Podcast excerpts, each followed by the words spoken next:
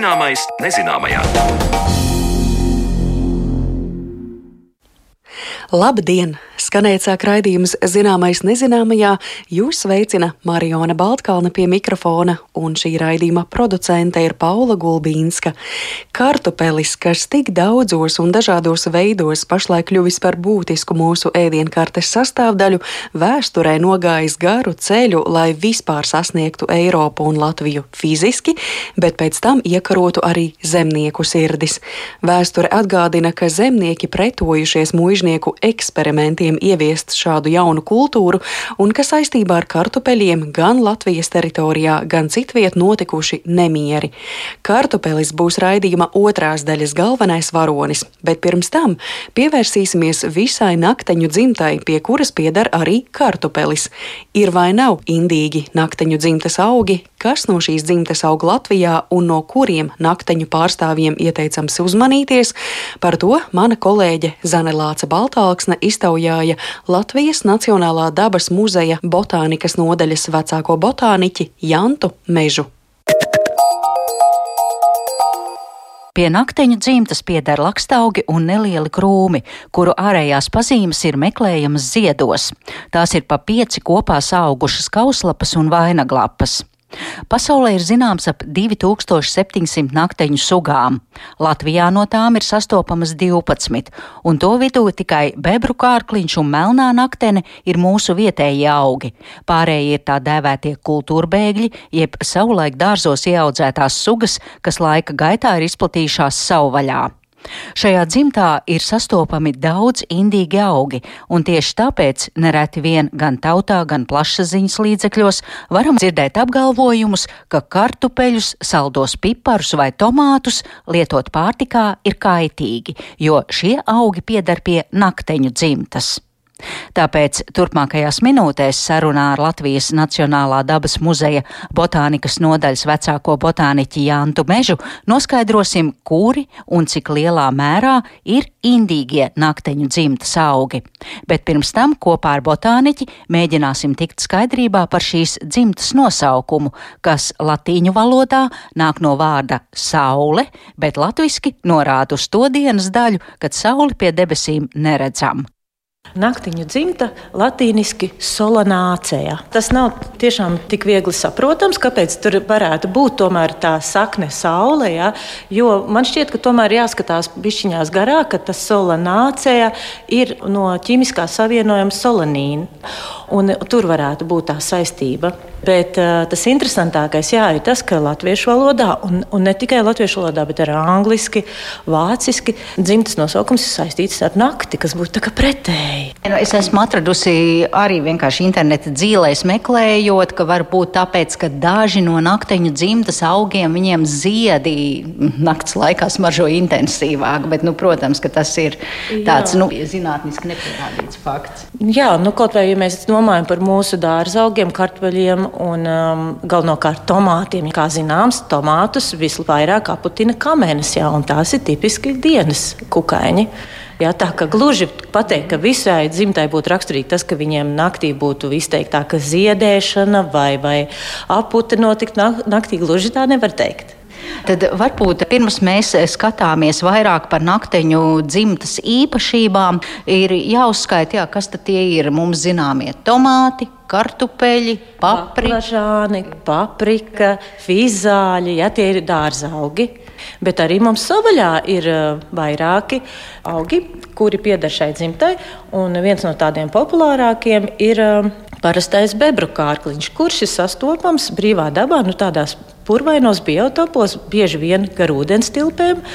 Un tas izskats jau bišķi norāda uz to, ka ir tā nakteņu dzimta gan pēc zieda formas, gan arī augļi ir tādi tā kā mazi, mazi sarkani tomātiņi, tādi, bet ļoti maziņi, nu, tā kā jāņog lieluma. Bet, ja mēs skatāmies uz tiem nu, mums ierastākajiem ēdamajiem nakteņu dzimtas pārstāvjiem, kartupeļi, tomāti, baklažāni, pipari, vai tur tie, tie ziedi ir kopīgi? Kā mēs varam atrast Jā. tās kopīgās īpašības? Ziedu izskats ir tomēr tāds, ka uzreiz var nu, saprast, jā, ka viņi ir radinieki pēc zieda. Savukārt pēc augļiem pamatā viņiem ir divu veidu augļi. Vieni ir um, oga, tipiska oga, piemēram, tomātam, paprikai, baklažānam tā ir oga. Un tad ir vēl viena veida auglis, un tas ir vāciņa pogaļa. Savs auglis, kuram ir nu, tāda tā kā trauciņa forma un virsū vāciņš. Uh, skatot, driģenē tāds ir. Jūs jau pieminējāt driģeni, un tas mums skaitās toksisks, indīgs. Uh, mm -hmm. Ļoti bieži jā, ir gadījies lasīt, un tiek publicēti arī raksti par to, ka ar naktiņu dzimtas augiem cilvēkiem ir jābūt piesardzīgiem, jo tajos ir toksiskas vielas. Un tagad paskatīsimies, kas tās ir par toksiskām vielām, kuros nakteņu dzimtas pārstāvjos un cik lielā mērā. Jā. Tas ir tiešām tāds ļoti izplatīts uzskats, ka naktiņu dzimtas augi ir vai nu indīgi, vai diezgan tuvu tam, ka viņi būtu tomēr labāk tādi tā neēdami uzskatāmi. Un tā ir taisnība tādā ziņā, ka tiešām visos šajos augos, naktiņu dzimtā tas ir raksturīgi, ka ir vielas, kuras ir cilvēkiem indīgas. Ja? Bet runa ir par koncentrāciju. Ja? Tas ir ļoti svarīgi saprast, ka ir augi, kuros tā koncentrācija ir tiešām tāda, ka pietiek iest vienu ogu, jā, tai pašai melnai driģenei, un būs jau vēmšana, caurēja un, un, un dažādas citas saindēšanās pazīmes. Jā, bet ja mēs, teiksim, ēdam tomātu, tad ir varbūt ļoti rets cilvēks, kuram varētu būt kaut kādas alerģiskas pazīmes. Ja? Tā kā, ja runājam par indīgām vielām, tad visos nakteņu dzimtas augos viņas ir, bet koncentrācija ir ļoti, ļoti, ļoti atšķirīga. Citiem tā ir mikroskopiski, bet citiem ir daudz. Un tās indīgās vielas, viena no tām ir visbiežāk mēs to solanīnu, mēs zinām, kartupeļos tie zaļie plankumiņi. Tas ir tas solanīns. Jā, kartupeļu bumbuļos tos, ko mēs lietojam pārtikā, veidojās solonīns saules gaismas iespaidā. Un, piemēram, vajag tikai uz dažām dienām atstāt kartupeļus neapsektus gaismā, un viņi, kā tautā saka, sazaļo. Ja? Veidojās nu, tādas e, zaļi plankumi, un tas norāda, ka šajā kartupelī visā bumbulī, ne tikai tajā zaļajā vietā, bet visā bumbulī ir savairojusies šī nu, visai indīgā viela solonīns. Un zaļus kartupeļus ēst nedrīkst. Viņi, diemžēl, ir jāizmet ārā vai jānoliek stādiem uz nākamo sezonu. Nav kaitīgi iestāde tādu ar solanīnu pārņemt kartupeli, tas, kas nāk nākamajā gadā. Ārā. Es, cik es atceros, ka man savulaik vecāki pat speciāli šos stādāmos kartupeļus izlika pirms stādīšanas dažas dienas iepriekš ārā, saulītē, nu, apsauļoties. Ja? Un tad viņa diezgan labi un ātri dīga. Tā kā priekš stādīšanas zaļie kartupeļi derīgi, priekš ēšanas gan ne. Arī tad, ja izgriež to zaļumu ārā, nu, arī kā kuram cilvēkam, protams, tas nenozīmē, ka uzreiz e, būs letāls sekas vai kaut kas, varbūt vienam mm, būs kaut kādas problēmas ar gremošanu.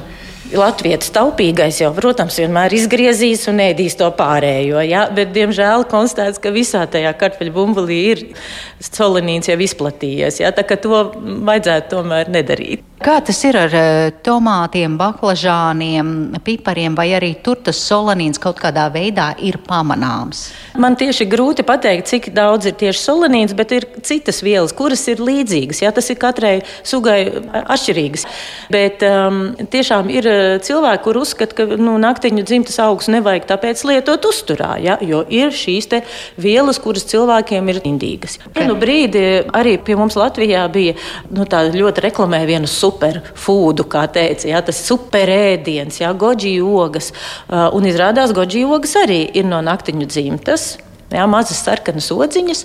Tiešām bija reklāmā, kad cilvēks lieto viņas ikdienā, tad viņš dzīvo tur 200 un es cik gadus, un arī it kā ar tādām pretaudzēja īpašībām. Bet par laimi ir tā, ka, kad zinātne arī uzreiz pievēršās šo mītu izpētēji, un jau tagad nu, ir noraidīts tas, ka, ka šim augam būtu kaut kādas superspējas var lietot, bet nu, tas tomēr neglābs no mūsu no dažādām kaitēm, ja mēs visu citu darīsim, lai savu organismu sabendētu. Skatoties vēl uz nakteņu dzimtu, jā, mēs paskatījāmies to, ko cilvēki ierasti lieto pārtikā, bet kas ir tādi interesanti augi, kurus mēs nelietojam un no kuriem nu, tiešām būtu jāuzmanās jau pieminētais melnā driģene. Melnā driģene. Kuras, starp citu, mums brīvdabā šādi ir atrodama, nu kā kultūra bēglis, jā. Un vēl kā kultūra bēglis mums ir sastopama melnā vēlnoga, jeb uh, belladonna. Jā, itāliska belladonna nozīmē skaistā sieviete. Jā. Un tas ir interesanti, kāpēc šiem augam ir tāds nosaukums belladonna. Un tas ir tāpēc, ka senos laikos šo augu sievietes izmantoja savai skaistumam. Viņas šo augu sulu pilināja acīs. Un tad no tā acu zīlītes izplatās tādas lielas, tumšas, un acis izskatījās, acīm redzot, ļoti daļas. Bet kāds bija pēc tam, jā, tas klīniskais rezultāts, domāju, regulāri to pilināja, ka droši vien varēja rasties redzes vai kaut kādi citi orgānu bojā. Tieši tā, tieši tā, vienmēr jau ir jādomā arī ilgtermiņā, kā tas viss darbojās. Un, um, Vēl mums dārzos ir um, diezgan bieži audzēti vēlnāboli. Tās ir ļoti skaistas dekoratīvas puķes ar milzīgi lieliem zvanveida ziediem, kuras tautā sauc arī par eņģeļtaurēm. Jā, tas ir interesanti vēlnāboli un eņģeļtauris tas ir viens un tas pats. Jā. Un šiem augiem arī ir tā, ka viņiem nevar pat pieskarties. Un vēl trakāk, ja viņus bāž mutē, mazi bērni, piemēram, var sākt spēlēties un bāzt mutē, tas var ļoti, ļoti, ļoti slikti beigties. Nu jā, un vēl naktiņu dzimtā tabaka. Tabaka ir naktiņa dzimtas augs, un nikotīns tur ir krietni, krietni daudz. Un arī, protams, to mēs uztveram kā toksisku vielu. Bet no dārzaugiem mums e, ļoti e, bieži dārzās tiek audzētas petūnijas. Tādas maigas, trauslas puķis, un arī tās ir naktiņa dzimtas puķis. Bet tas populārākais ir, bet tagad prasīšu jums, e, Latvijā cik ir izplatīta ar mītiem apvītā mandragora, par kuru droši vien Harry Pottera fani zina, un arī kur var atrast, jā, senās teiksmās vienmēr ir pieminēts, jā, šis augs, kuram ir sakne tā kā cilvēka ķermenis un kura mēdz spiegt. Te mēs runājam par pasakām. Jā, tad, kad raujot ārā šo augu, viņš mēdzot spiegt, bet vispār labāk to spiedzienu nedzirdēt. Jo, ja dzirdot to spiedzienu, tad tam cilvēkam ir jānomirst. Jā, jā mandragoras pie mums Latvijā dažos dārzos audzē kolekcionāri, bet nu, tā, tāds liels, liels retums. Tas ir bet vidusjūras apkārtnē. Tur to augu var satikt savvaļā. Jā, un tas ir indīgs. Un, un lietojot šo augu vai pat aizskarot, var uh, krietni saindēties. Bet uh, nu, nostāstos par viņu ir interesants lietas, ka viņš kādreiz ir izmantots rituālos, piemēram, lai nonāktu citā realitātē. Jā.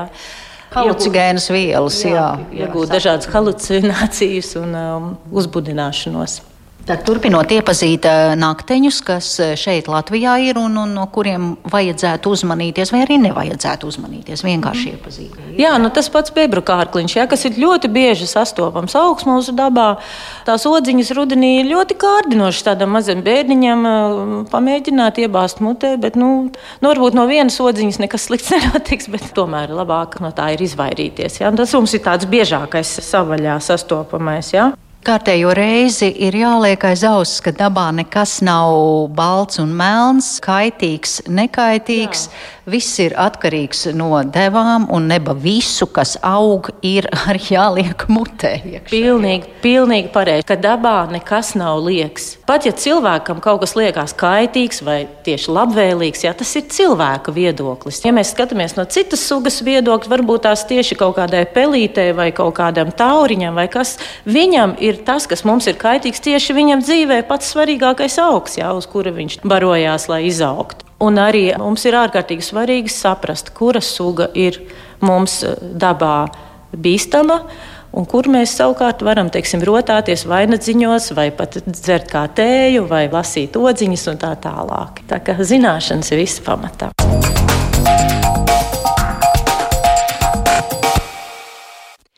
Paldies Zanai Lācei Baltalksnei, kura sarunā ar Jantu Mežu plašāk atklāja nakteņu dzimtes augus.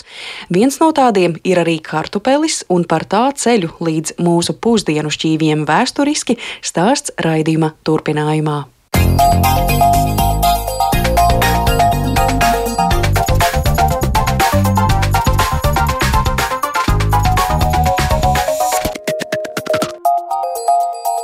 Zināmais nezināmajā. Dārzenis, kas ieguvis stabilu vietu Eiropas virtuvē un, protams, arī latvieša viens no mīļākajiem ēdieniem - tas ir kartupelis. Kā šis necilā paskata nakteņu dzimtas augs iekaroja Eiropiešu sirdis? Vai tiesa, ka te savu roku klāt licis hercogs Jēkabs, un kādi politiski skandāli un sociāli nemieri saistīti ar kartupeļiem Eiropas vēsturē.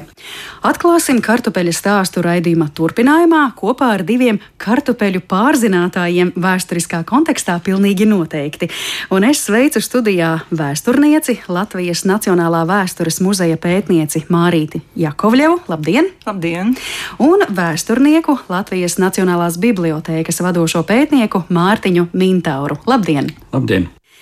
Jā, un es arī gribētu sākt vispirms ar kartupeļa nonākšanu Latvijas teritorijā. Varētu šo stāstu, protams, pavērst plašāku Eiropā kopumā, par kuru periodu mēs varam runāt, kad tad kartupelis ieceļo pie mums un no kurienes. Nu, atklāti sakot, eh, pilnīgi precīzi nav zināms, kad un no kurienes ir ieceļojis kartupēlis konkrēti Kurzemes hercogistē, bet mēs varam diezgan droši teikt, ka Kurzemes hercogistē notikās viss tas pats, kas Eiropā, varbūt ar dažu gadu nobīdi, ja, bet principā, kā saka, bija viss tas pats.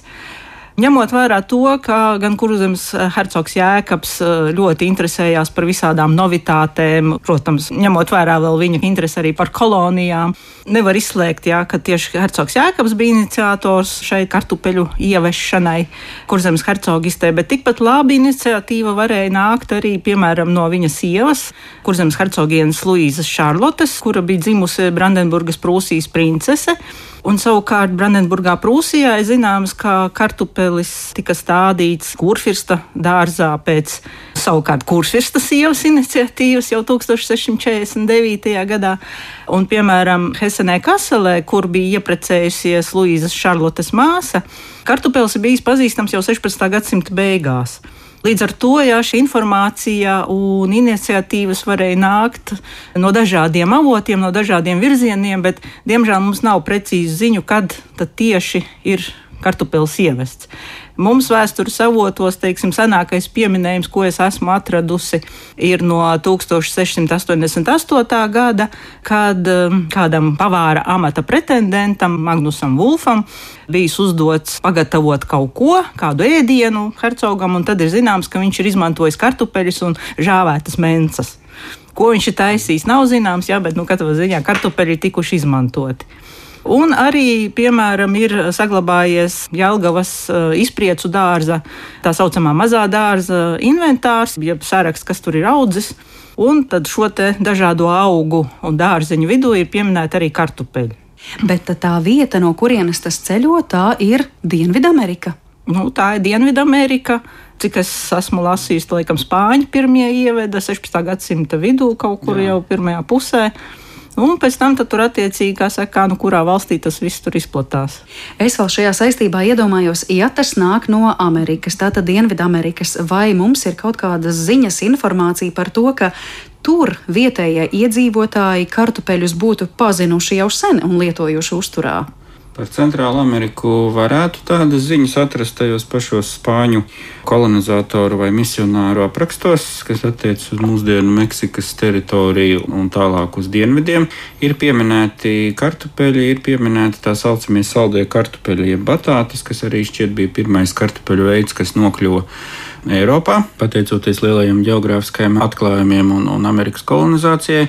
Un tieši tā kā kolēģi Mārīte stāstīja, tad Eiropā vispirms šis augs parādās nevis kā tāda vispārēja lauksaimniecības kultūra, bet kā eksotisks dārzājs, kuru audzē vai nu tātad galma dārzā, izpriecu dārzā, kā tas bija kurzemes hercogistas gadījumā, vai arī vienkāršākos apstākļos muižās, muižu dārzos. Un tas kartupeļu uzvaras gājiens sākas un plaša izplatīšanās sākas faktiski 18. gadsimtā. Gan pie mums, mūsdienu Latvijas teritorijā, par to sāk rakstīt, bet Eiropā, piemēram, Nīderlandes provincēs, tas ir mūsdienu Nīderlandes, Beļģija Tur sāk izplatīties jau 18. gadsimta vidū masveidā kartupeļu audzēšana, un vēl viens tāds reģions, kas arī kļūst ievērojams ar kartupeļiem kā ar pamatkultūru lauksaimniecībā, ir īrija. Nu, īri paši uzskata, ka jau 1565. gadā kartupeļi no Dienvidamerikas ir ievesti īrijā,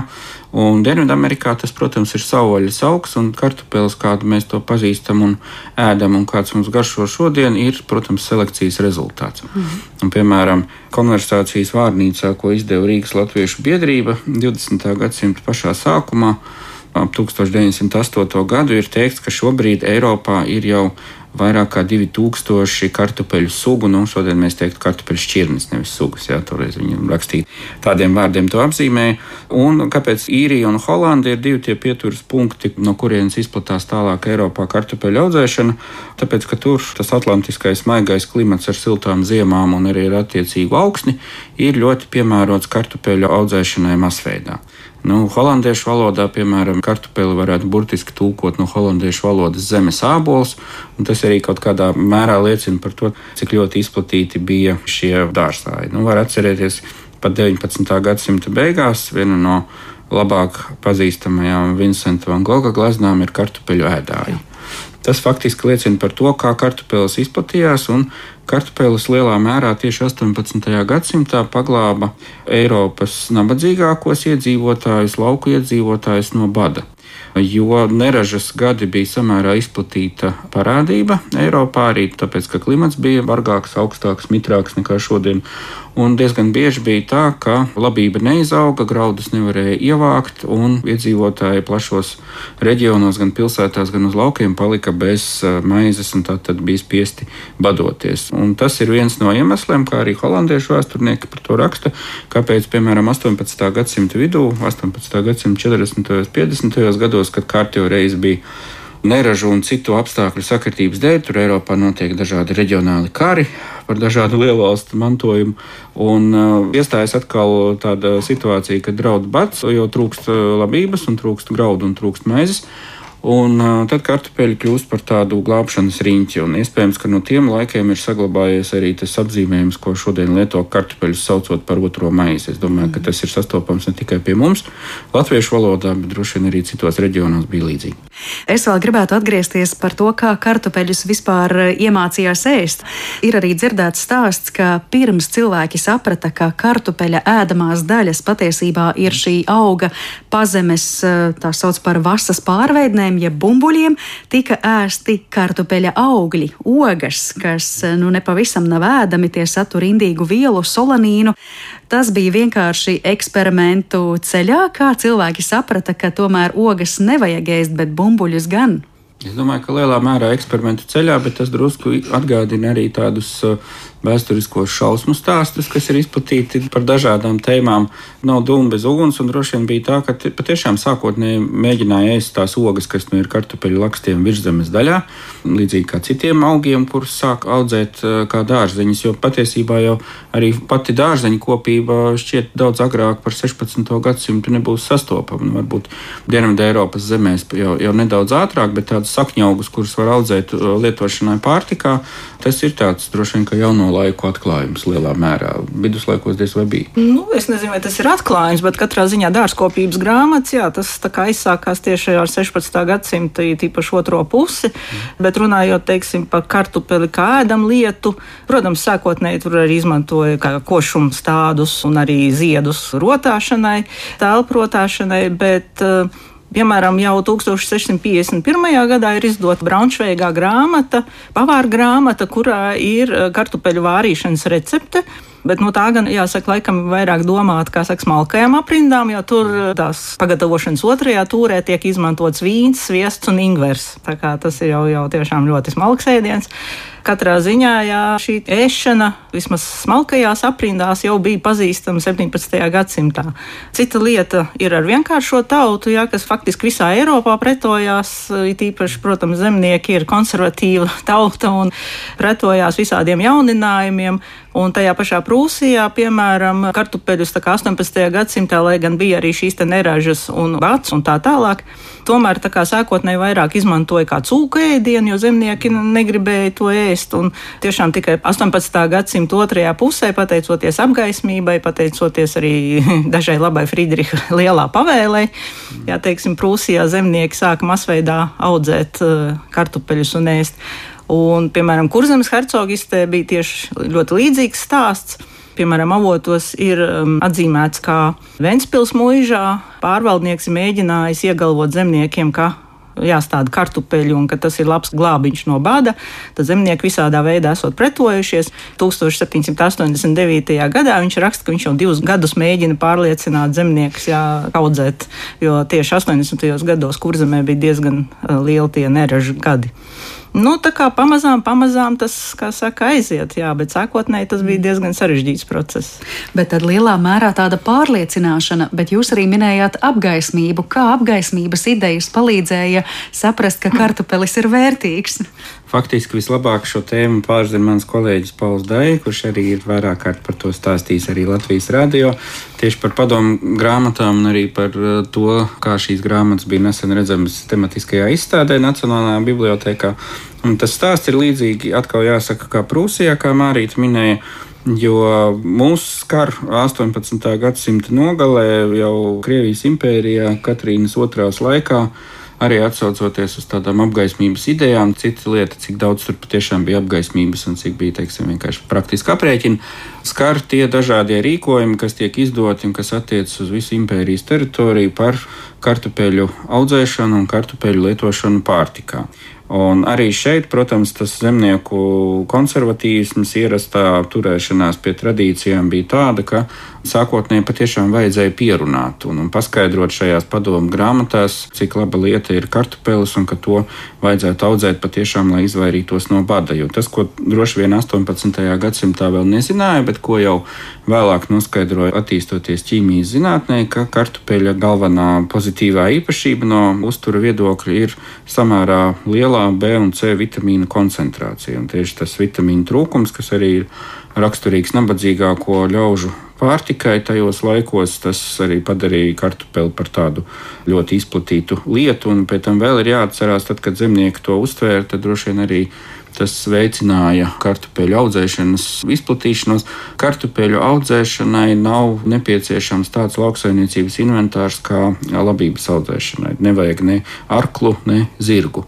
Un tāpēc tas tiešām kļūst par tādu ar pieticīgāku rocību dzīvojošu cilvēku iztikas līdzekli, tāpēc, ka, lai iestādītu kartupeli un lai tas izaugtu, ir nepieciešams faktiski uzrušināt zemi. Nu, tur pietiek ar kapli, ar lāpstu, ar kaut ko pavisam tādu vienkāršu, lai tas būtu izdarāms. Tad nu, faktiski tiek uzskatīts, ka par tādu stabilu lauksaimniecības kultūru Latvijā kartupeļi kļūst 19. gadsimta 40. gados. Savukārt 20. gadsimta sākumā, atkal pēc tā laika statistikas datiem, visvairāk kartupeļu trijās Baltijas provincēs, tas ir Kurzemē, Vidzemē un Igaunijā, kas attiecas uz mūsdienu Igaunijas ziemeļu daļu tad, tad visvairāk kartupeļus audzē tieši Ziemeļgaunijā. Tas ir mūsdienu Tallinas apkārtnē. Turpat ir sarēķināts, ka apmēram 15% no lauksaimniecībā izmantojamās zemes platības ir kartupeļu audzēšanai atvēlētā zeme. Un šajā laikā, 20. gadsimta sākumā, tad, kad ir jau tās vairāk, apmēram 2000 kartupeļu šķirnes zināmas, tad kartupeļus iedala tādās trijās daļās. Ir tā saucamie galda kartupeļi, kur tiek lietoti pārtikā Tad ir fabriku kartupeļi. Tas nozīmē, ka šīs šķirnes tiek izmantotas spirta ražošanai un kartupeļu miltu jeb stērķeles ražošanai, un tad ir tā saucamie barības kartupeļi vai lopu kartupeļi. Nu, saliekot kopā, ir skaidrs, par kādu veidu kartupeļiem ir runa. Tātad tās ir tās kartupeļu šķirnes, kas tiek izmantotas lopbarībai. Un tad vēl ir pieminēts arī 20. gadsimta sākumā tāds briesmīgs zvērs kā kartupeļu kukainis, iekavās Kolorādo vabole, kura ir atceļojusi uz Eiropu pēc tā laika datiem no Ziemeļamerikas ap 1877. gadu. Acīm redzot, arī nu, ar kuģiem atvest ar kaut kādiem vai ar tiem pašiem kartupeļiem, visticamāk, vai ar kādu citu kravu. Un ir arī tā laika presē pieminēti tādi īsti, arī varētu teikt, šausmu stāsti par to, kā Vācijā, kur vispirms Hamburgas apkārtnē pamanīja, ka ir atkļuvis šis kartupeļu kukainis, kā mēģināja ar to cīnīties, un šķiet, ka viņiem pat izdevās 19. gadsimta beigās uz kādu brīdi vismaz ar to tikt galā, jo tur tiek apstrādāta ar dažādām bioloģiskām vielām augsne un augsne tiek uzarta vairāk kārtīgi un ierta visi šī Kolorādo vabolos nopostītie augi zemē, un, un vairāk kārt tas viss tiek līdzināts un pārstrādāts. Un apmēram tā kā mēs šodien cīnāmies ar latvāņiem, kā ar dažādiem invazīviem augiem, tā viņi tajā laikā, 19. gadsimta beigās, mēģināja tikt galā ar Kolorādo vabolēm. Bet, nu, Līdz ar to kartupeļu plašo izplatību sāk izplatīties arī dažādas slimības, kas nāk līdz ar šo lauksaimniecības kultūru. Nu, tā postošākā un briesmīgākā bija kartupeļu miltrase. Jā, un es varu iedomāties to situāciju, tas eh, latviešu zemnieks ir tikko pieņēmis ja, savam vēderam to kartupeli, mm. tad pakāpeniski kartupeli sāk arī audzēt. Un šeit tev nāk pretim nākamais, teiksim tā, izaicinājums, grūtības, kurām ir jāstājas pretim, un tas iespējams atkal sadragā šo uzticību, vai mums kaut kādu tādu svešu kultūru vajag, vai ne? Jā, protams, ka tā ikdienas dzīves pieredze ļoti nostiprināja to konservatīvo attieksmi un zemnieka pretestību tam, ka atkal ir nu, nosacīt, sakot, mūža vai kādi kungi ir izdomājuši jaunu eksperimentu, mums tagad uz mūsu rēķina tas tiek īstenots. Ja? To, ka pie kartupeļiem pierada un ka bez kartupeļiem patiešām nevarēja iztikt, to jau visi samērā veiksmīgi un, un drīz aizmirst pēc tam, kad kartupeļs tiešām kļuva par ikdienišķu parādību, bet uh, sākotnēji, protams, tas izraisa diezgan lielu pretestību, nu, tāpēc, ka nav pierasts, nu, kā viņš tur tā pats savā nodabā aug un ka tā īsti nav lauksaimniecības kultūra, kas prasītu lielas rūpes un darbu. Jā, ja zemnieks, kurš audzē labību, vienmēr ir satraukumā par to, kāda būs laika apstākļi, vai nebūs par slapju, vai nebūs par sausu, vai neuznāks kaut kādas dabas klizmas, kas to visu varētu nopostīt ražu. Tad uh, tas jau ir tas ierastais zemnieka dzīves veids tajā laikā. Nu, kartupeļs tur aug pats savā nodabā, nu, varbūt izaugs, varbūt ne, bet arī tas, kā mūža sāka tieši spirta ražošanai šo kartupeļu audzēšanu attīstīt, tas jau arī kaut kādā mērā nu, pieradināja pie tā, ka kartupeļs kļūst par tādu lietu, ar kuras audzēšanu var arī nopelnīt. Jā, jo, teiksim, nu, no rudziem, rudzu audzēšana, spirta ieguvēja arī, protams, bija izplatīta jau pirms kartupeļu apgūves, bet tas atkal ir dārgāks gala produkts, tāpēc ka pati rudzu audzēšana ir atkal pakļauta citādiem riskiem dažādiem no dabas apstākļu viedokļa. Nu jā, tagad mēs esam nonākuši pie tā, ka mums pat ir pavāra grāmatas. Es atceros arī man bērnībā mammai plauktā stāvēja 444 kartupeļu receptes, bet eh, noteikti sākotnēji tie ēdieni bija vienkārši. Es ticu, ka vienkārši uzvārīti kartupeļi ir arī iespējams izsekot līdzi vēsturē, kurā brīdī parādās šie centieni. Nu tad tagad eksperimentēsim un dažādosim to virtuvi un mēģināsim no tā kartupeļa izspiest ārā visu, ko vien mēs varam, lai mūsu pavāra grāmatas un ēdienkarte un šķīvis būtu daudzveidīgāks. Nu, teiksim, manis pieminētais ēdiens, ja ar vīnu, sviestu un ingvēru jau nu, nebūtu pieskaitāms pie ļoti vienkāršiem ēdieniem. Tas jau, kā, kā saka, 17. gadsimta vidus. Un arī vēlāka laika bavāru grāmatās, jā, 17. gadsimta, 18. gadsimta, tomēr ir pieminēti visi arī mūsdienās zināmie šie pagatavošanas veidi. Tā tad vārīšana, cepšana krāsnī, cepšana ugunskurā un arī kartupeļu bieziņa taisīšana. Mm -hmm. Mārtiņ, jūs jau mazliet eh, tādu makšķeri iemetāt mūsu tālākajā tēmā, runājāt gan par kartupeļu slimībām, runājāt arī par badu, ko savukārt kartupelis risināja, bet mēs vēsturē varam izsekot arī līdzi notikumiem, kad ar kartupeļiem bija saistīts gan bats, gan citas eh, politiskas aktivitātes, dumpji, nemieri. Tad nu, varbūt mēģināsim eh, kādus atsevišķus šos notikumus izgaismot un sāksim ar Es teiktu, spilgtāko piemēru jūs jau pieminējāt īriju, kur vēsturē ir zināms lielais bats, jeb īrijas kartupeļu bats 19. gadsimtā, aizsākās 19. gadsimta pirmajā pusē. Kas tad bija iemesls šim badam un kādus upurus tas prasīja?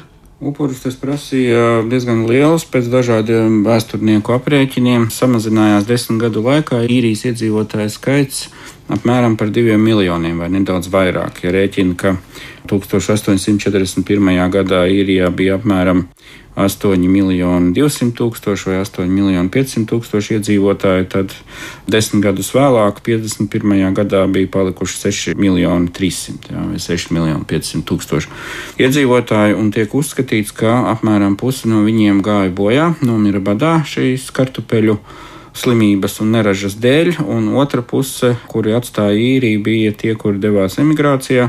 Bada dēļ devās emigrācijā, pamatā tā bija emigrācija uz Amerikas Savienotajām valstīm, vai arī viņiem tad bija lemts iet eh, bojā bada dēļ, un tas viss sākās arī lielākoties tādēļ, ka 1845. gadā Beļģijā kas atkal ir līdzās Holandē, tajā Ziemeļjūras piekrastes reģionā, no kurienes arī kartupeļi pie mums ienāk kontinentālajā Eiropā. Nu, caur turieni Eiropā sāk izplatīties vasarā šī kartupeļu miltrasa.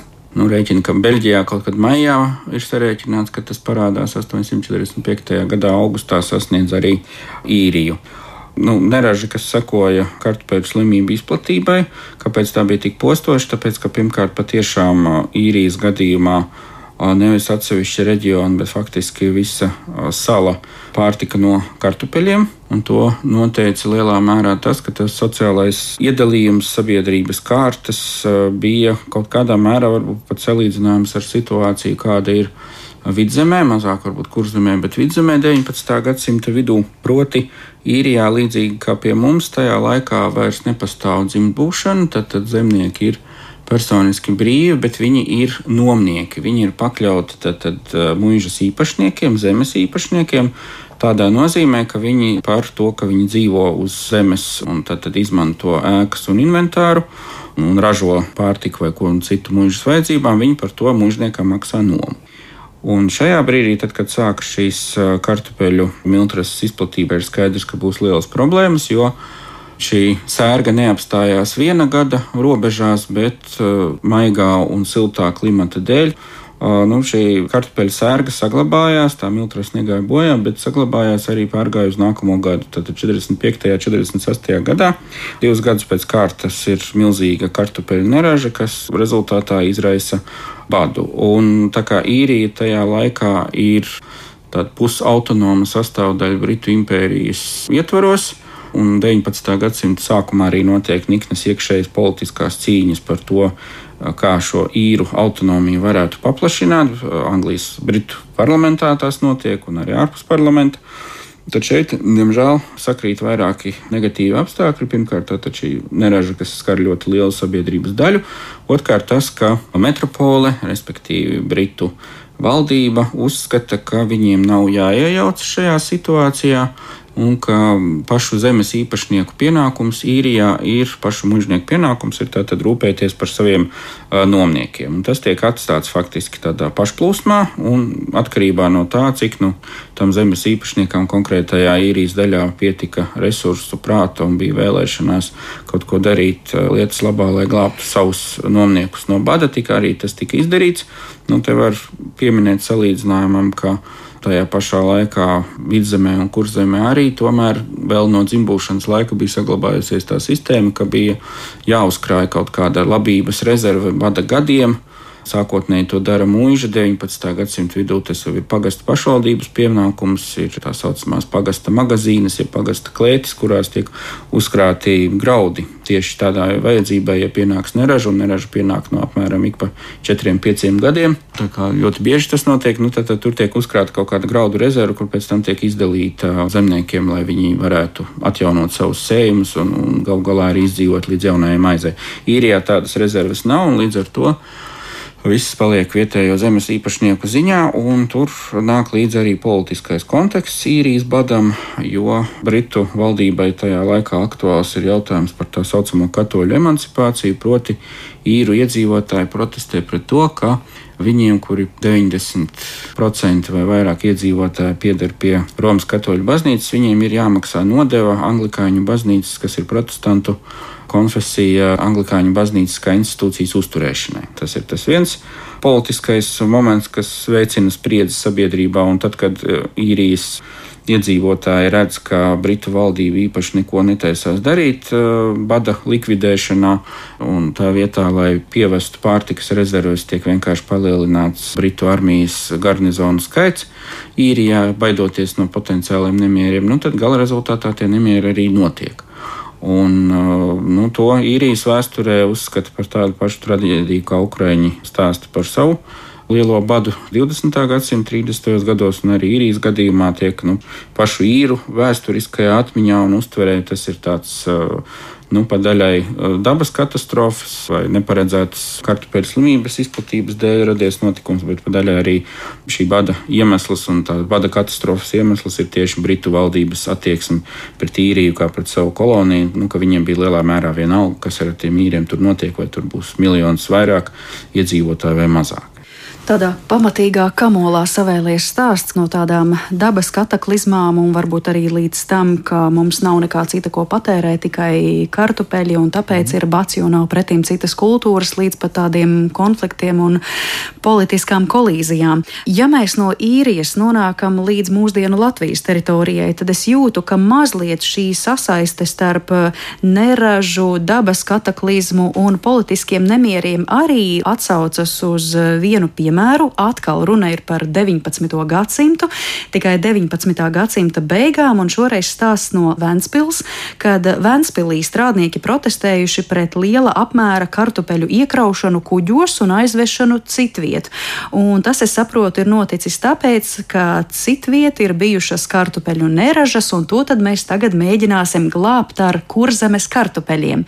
Vai jūs varat mazliet attīstīt to stāstu, ko tad mēģināja glābt un no kā baidījās? Baidījās eh, kurzemes protestētāji. Mārtiņ, vai jums ir, zināms šis stāsts, stāsts? kuru ir literatūrā rakstnieks Herberts Dorbe ir apspēlējis savā vēsturiskajā romānā, kas attiecas uz šo 19. gadsimta otrās puses situāciju. Tie ir tiešām vietējo zemnieku protesti par to, ka viņiem tiek bezmaz vai rekvizēta, atņemta raža, kas nenonāk vietējā tirgū, bet kas tiek eksportēta uz Rietumu Eiropu, jo kaut kur pietrūkst kartupeļu, ja, un kārtējās kartupeļu sērgas dēļ. Nu, tas liecina par to, ka mēs esam tiešām jau globālās saimniecības sastāvdaļa 19. gadsimta beigās, jo gan labības cenas kaut kur citur Eiropā, gan, teiksim, kādas pārtiks vielu trūkums ietekmē dzīvi arī šeit uz vietas, un nevis kaut kā tā abstrakti, bet diezgan tiešā veidā. Bet Latvijas vēsturē ir varbūt labāk zināms par šo vienu atsevišķo Ventspils gadījumu. Ir tā saucamais jaunbebru vai bebru kartupeļu dumpis, kas atkal ir 19. gadsimta 40. gadi, 41. gada rudens. Kuras sasaiste ar kartupeļiem nemaz nav tik liela. Ja? Izrādās, jā, jo mēs esam pieraduši no skolas sola dzirdēt šo nosaukumu kartupeļu dumpis, un tad, tad pirmais, kas nāk prātā, nu arī tas laika posms ir apmēram tas pats kad, eh, kad īrijā bija šis lielais bats, nu, tas varētu būt kaut kas līdzīgs arī šeit, Latvijā, bet izrādās, ka tas ir tāds gluži sezonāls nosaukums, jo notikumi attīstās no septembra sākuma līdz oktobra sākumam 1841. gadā, un tie nepavisam nav saistīti ar kartupeļiem, kaut gan kaut kādā mērā ir saistīti ar lauksaimniecību, jo šis dumpis izceļas eh, sakarā ar balmām par to, ka pārējot eh, no Lutera ticības pareizticībā, zemnieki varētu iegūt zemi. Ņepras leiteces reģionos, uz kuriem tad, tad tiek aicināti pārcelties kolonisti no dažādām Krievijas impērijas vietām, lai tur sāktu attīstīt lauksaimniecību. Un šīs baumas 19. gadsimta 40. gados arī jau kārtējo reizi neražas dēļ cirkulē vidzemes latviešu aprindās un ir samērā populāras un padaļai izraisa šo konversijas kustību, ja pāriešanu no luterticības pareizticībā. Un Jaunbabra mūžā, kas atrodas netālu no koknes, tā ir vidzemes dienvidu austrumu nomala uz Daugaus pusi. Tur gala rezultātā zemnieki atsakās pakļauties mužnieku pavēlē izklīst septembra sākumā, un līdz ar to viņi tiek izklīdināti ar karaspēku ierašanos. Pēc tam tas nav viens gadījums, tur ir vairākas sadursmes ar karaspēku, un karaspēku tas eh, kontingents tiek ar vien eh, palielināts. Tur ir runa par vairākām karavīru rotām, tas ir simtiem karavīru plus artilērija, kas gala rezultātā šo bruņoto zemnieku dumpi vai nemierus arī apspiež. Un kartupeļi tāpēc, ka tas ir kartupeļu novākšanas laiks, un kaut kāda iemesla dēļ tas ir palicis tieši šādā nosaukumā tautas atmiņā. Un par tiešām var teikt par tautas atmiņu, tāpēc, ka rakstnieka Kaudzītas Reņa atmiņās par 19. gadsimtu, kas ir publicēts jau faktiski pēc Kaudzītas Reņa nāves 20. gados Latvijā. Viņš pats ir dzimis 1839. gadā, tad 41. viņam bija divi gadi vai nedaudz vairāk bet viņš uh, raksta savā atmiņā par bērnību, par to, ka vietējie iedzīvotāji ļoti labi atcerējās šo bebru kartupeļu dumpi kā tādu ļoti smagu uh, notikumu vietējā vēsturē un visvairāk atcerējās tos briesmīgos miesas sodu veidus, kādus izmantoja pēc tam, kad dumpis bija apspiests un kad tos galvenos kūdītājus uz nemieriem, vairākus simtus zemnieku pēc tiesas sprieduma dzina cauri ierindē. Tas ir tāds soda veids, kad cilvēkam liek skriet garām karavīru ierindai, un uh, katra karavīra pienākums ir šo garām skrienošo cilvēku sist ar nūjām. Tad, tad atkarībā no tā, cik gara ir karavīra ierinda, 50 cilvēku, 100 vai 150 cilvēku, tad, tad tas, kurš tiek sodīts ar dzīšanu cauri ierindai, saņem arī milzīgu sitienu skaitu. Nu, dažus tādā veidā nogalināja uz vietas, dažus vienkārši sakropļoja, un tas viss palika zemnieku atmiņās ļoti ilgi, un par to vēl gadu desmitiem pēc tam runāja. Nu, kartupeļi pie tā nebija vainīgi, bet pie tā vainīgi bija, teiksim, nu, tās, kā vēsturnieki teiktu, agrārās attiecības, ja tas lauksaimniecības stāvoklis un, un zemnieku arī savā ziņā beztiesīgums tajā laikā jau pēc dzimbūšanas atcelšanas, kas tādus nemierus radīja. Jaunbebros arī ir saglabājusies vēl piemiņas plāksne no šī kartupeļu dumpja. Jā, 19. gadsimts, ko vēsturē mēdz dēvēt arī par garo gadsimtu, patiešām parāda, cik eh, daudzi un dažādi notikumi vienā gadsimtā bija saistīti ar kartupeļiem, bats īrijā slimības dēļ, tālāk eh, atkal slimība un mēģinājumi glābt no neražām Prūsiju un Krievijas impēriju ar kurzemes kartupeļiem un protesti līdz ar to Ventspilī un visbeidzot pastarpināti ar kartupeļiem saistītais dumpis jaunbebros sarunas noslēgumā es gribētu mazliet pieskarties citām cīņām, jo, ja mums vairs nav tādu politisko nemieru par kartupeļiem, varbūt tādā veselīgā izpratnē ir cīņas par eh, dažādu valstu virtuvēm, proti valstis sacenšas šajā stāstā, nu kuriem tad kartupelis patiešām ir nacionālais ēdiens. Tad, kad kāds ierodas Latvijā un prasa, nu kas jums šeit ir ēdienkartē, jūs stāstāt kartupelis visos iespējamos veidos, un tad, ja jūs aizbrauksiet uz Poliju, uz Čehiju, uz Vāciju, Viņi jums arī stāstīs par kartupeļiem. Mārīt, vai šādi stāsti turpinās eh, cīņa par kartupeli ēdienkartē, un kam tad kartupelis ir tas īstais nacionālais ēdiens?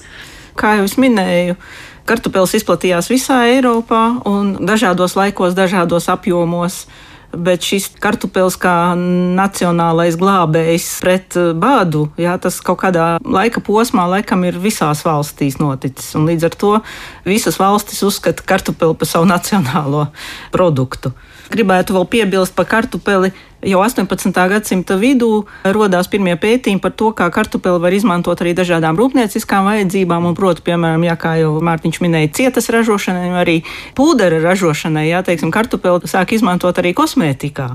Ja, mēs visi labi atceramies 18. gadsimta otrās puses modē, šīm pūderainajām parūkām, pūderētajām sejām. Jā, lielā mērā mēs varam pateikt paldies arī kartupelim par to. Mm. Arī 18. gadsimtā jau ir pieminētas vismaz 46 kartupeļu šķirnes. Teiksim, 17. gadsimta grāmatās parasti piemin vienu, kā saka, ziliem ziediem un otru ar baltiem ziediem. Ja. Mm. Un ir interesanti arī, teiksim, no valodas viedokļa tajā pašā Vācijā arī šos kartupeļus tieši tāpat sauc gan par zemes āboliem, gan par zemes bumbieriem.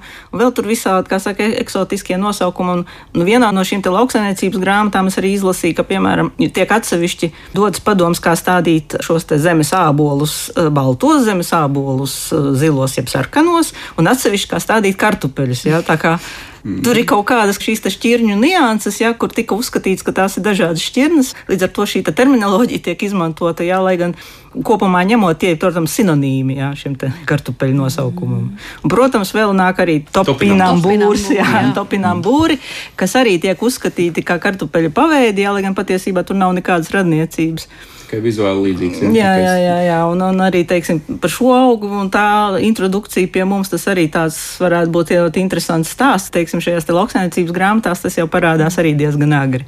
Jā, par nosaukumiem runājot, tad, kad Mārīts stāstīja par Vāciju, tad es atcerējos, ka tajā pašā 20. gadsimta sākumā konversācijas vārnīca dod arī sinonīmus vārdam kartupeļs, jo tur ir liels šķirklis, kur ļoti detalizēti ir aprakstīts, kā kartupeļus pareizi stādīt, kopt un iegūt no tiem iespējami lielu ražu. Tātad latviešu valodā 20. gadsimta sākumā sinonīms vārdam kartupelis ir rāceņi, kartiņi, tupeņi un pampāļi. Mēs zinām, ka Latvijā kurzemē ir mm. pampāļi apdzīvota vieta. Paskatījos, cik nu ir fiksēts avotos, tad mūža vai, pareizāk sakot, liela ezeres blakus mūža ar nosaukumu Pampāļa vai Pampelna vācu valodā parādās avotos 1702. gadā.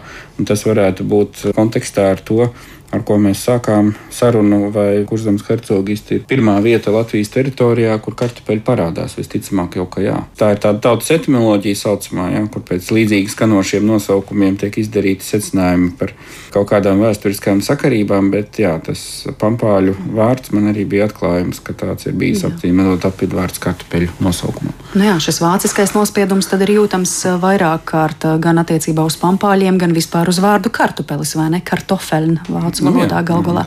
Nu, tad jau vēl nāktu klāt uh, buļbas un buļvas latgalē. mm, tur poļu, poļu konteksts, jā, jā, jā. poļu Baltkrievu. Mm. Nu, re, tuvojas eh, Jāņi, un tad arī tiks klāti bagātīgi svētku galdi. Es esmu visai pārliecināta, ka daudzās ģimenēs Latvijā uz galda godā tiks celti arī kartupeļi daudzos un dažādos veidos. Un notiesājot šos kartupeļus, jā, ir vērts pārcelāt eh, vēstures stāstus un atsaukt atmiņā, kā kartupelis galu galā nonāca Eiropā, Latvijā, un ka ne visos laikos to vēlējās eh, cilvēki pieņemt uz saviem šķietniem šķīviem. Bet eh, šodien par eh, sarunu es saku paldies vēsturniecei, Latvijas Nacionālā vēstures muzeja pētniecei Mārītei Jakauļevai un vēsturniekam Latvijas Nacionālās bibliotēkas vadošajam pētniekam Mārtiņam Mintauram. Un ar to mūsu šīs dienas raidījums izskan. Par to parūpējās producente Paula Gulbīnska, par mūziku gādāja Girts Bišs, skaņu režijā bija Kristīna Della un ar jums sarunājās Mariona Baltkalne. Paldies, ka jūs pievienojāties klausījāties mums šajā stundā un uz sadzirdēšanos atkal citā reizē. Visu labu!